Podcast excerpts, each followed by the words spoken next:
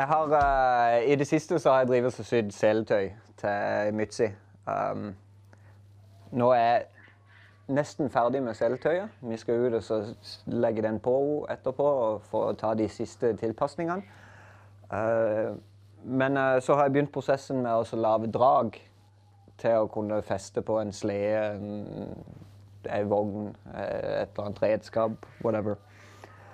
Um, og da har jeg vært uh, land og strand rundt her og leita etter asketrær. For det, det, har jeg lest meg fram til at det er det som er Det er noe av det beste som vi har her i skogen som kan brukes til sånne type ting. For det er rimelig lett å bøye, og så uh, er det sterkt. Så det, det, er føyelig og sterkt samtidig. Som, som du har eik, f.eks., som er lett å bøye, men eik, når det tørker, så blir det litt sprøtt. Uh, mens ask beholder mykheten bedre. Uh, samtidig som det er sterkt. Jeg har tatt med inn noen greiner for å vise litt uh, hva, hva, som kjennetegner et asketre. Og en av, de, en av de veldig tydelige punktene er det at asketre er et av de eneste tresortene vi har her hvor greinskuddene kommer ut parvis tvers over for hverandre. Og det har jeg vært liksom i tvil om stemmer det. Men jeg har gått rundt og sett, og sett på masse trær hvor barken ligner på ask. Skuddene ligner på ask, men greinskuddene kommer ikke ut parvis, sånn som du ser her. Så så jeg den. Ah, ask. Og så i tillegg så har du disse her eh, svarte knoppene på enden, som er veldig annerledes i forhold til andre. Alle disse svarte knoppene du ser her, kommer det to. Det jo, skulle òg være et tydelig kjennetegn for oss å se det på vinteren. Eller som sommeren og sånn, så kan du jo se det på bladene. Og det, bladene ligner jo nesten på eh, som på eh, rogntrær. Uh, at det er sånn bladklase, på en måte. Hvor det er en, sånn en hovedstang i bladet, og så er det masse småblader som stikker ut på sidene. Asketre har litt bredere blader enn rogna. Det er liksom en, en, en, tydelig forskjell. Men ellers så ligner de veldig. Så da når jeg fant disse, så var jeg ikke i tvil lenger. Det er ask. Ingen tvil. Så da har jeg to passelige stenger som eh, jeg skal lage disse dragene. Og de skal bøyes. For vogndrag Hvis du ser her bak er vogna, så skal de gå fram, og så skal de bøye inn, og så festes i hesten. Og det er for at ikke de skal stå rette og gnisse imot hesten hele tida, liksom, når han går. Så blir det jo sånn at når hesten svinger, så kommer han borti, men uh, når han går rett fram, så uh, er han fri. Og da har jeg, jeg gjorde et lite forsøk her på den ene, og det funka ikke, så jeg må gjøre det litt annerledes. Bruke litt mer makt. Eh, så vi skal koke vann og pakke med håndkle og finne noen jekkestropper og skru fast noen klonser her. Og få vridd til dette her. Håper jeg.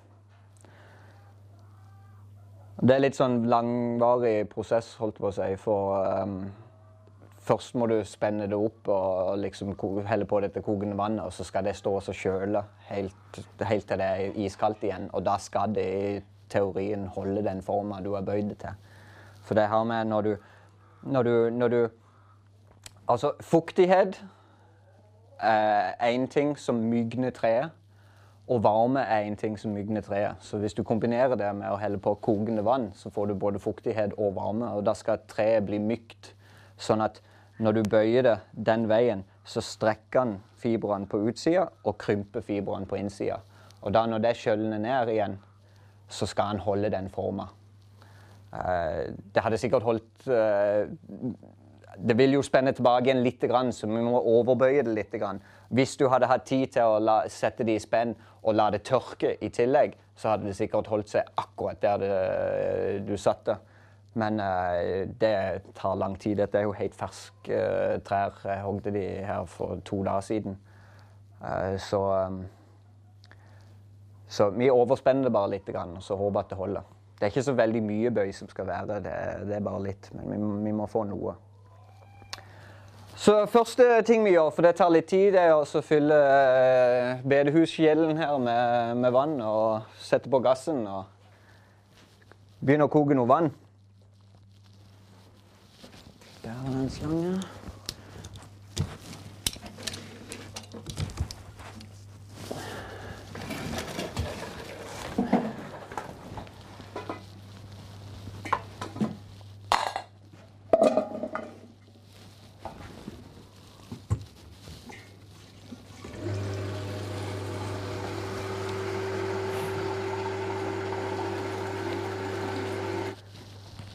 Det er veldig koselig hvis vi kan uh, få til å dra i enkel vogn. Sånn, når en skal opp på heia, når en skal inn til Jeg har jo begynt prosessen med å lage denne her tømmerhytta i forbindelse med den steinen på den myra jeg har oppe på heia.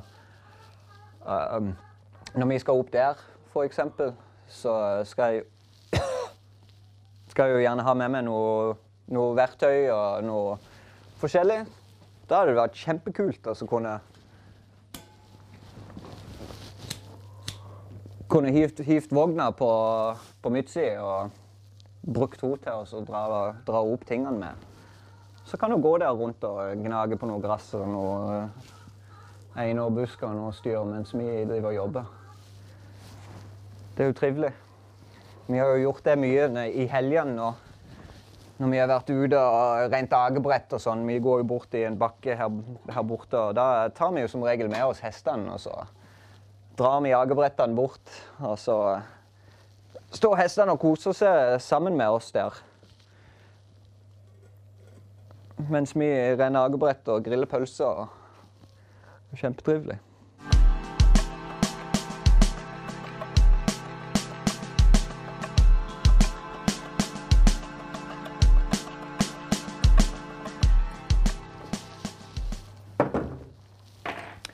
Mens vi venter på vannet skal koke, så kan vi, så kan vi skrelle denne her. Og det er viktig å Sånn tre, tre som en vil, eh, vil, skal holde.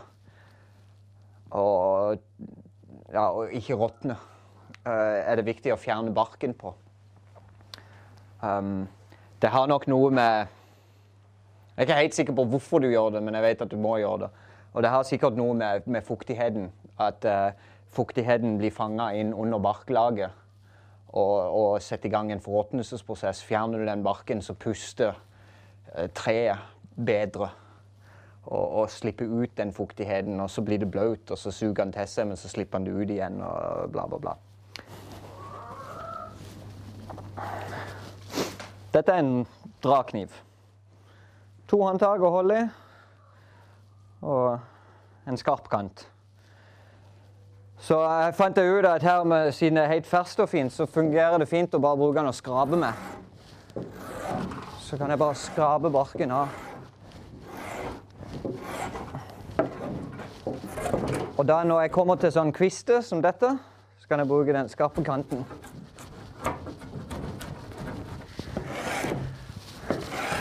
Asketreet ble brukt mye før som dyrefôr. I gamle dager så måtte de jo bare få med seg alt de kunne til, til vinterfôr.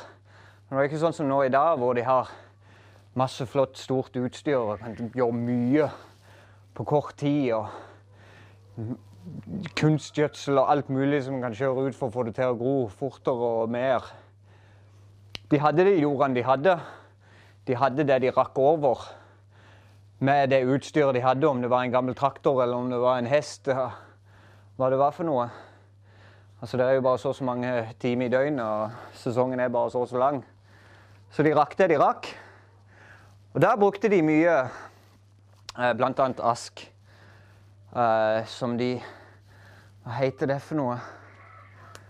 Jeg husker ikke hva det heter, men, men eh, du ser ofte at det kan stå en svær askestamme som er masse skudd som har liksom blitt kutta av i to, tre, to meters høyde. Så skyter det ut masse greiner ut fra den stubben. da. Og det Noen gjør det for å lage et slags pyntetre.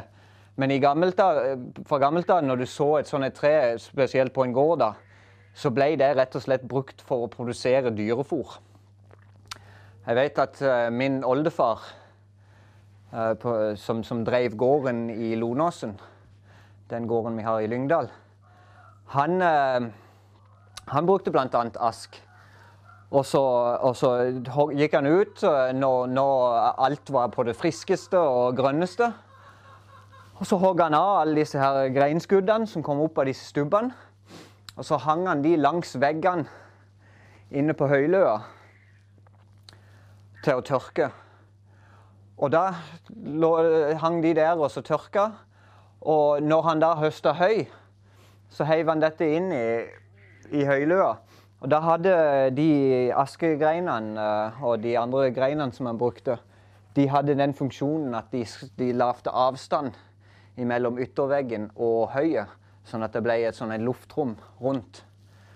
Eh, Pga. fuktighet og, og alt. Eh, så da, etter hvert som han brukte opp høyet, så kunne han få tak i disse greinene. Og da kunne han rett og slett bare dra ut disse greinene og de tørka bladene som var på, og barken. Så bare heiv han det inn til dyrene. Og så gikk de og gnagde på barken og spiste bladene. Og eh, ganske mye næring i det, egentlig.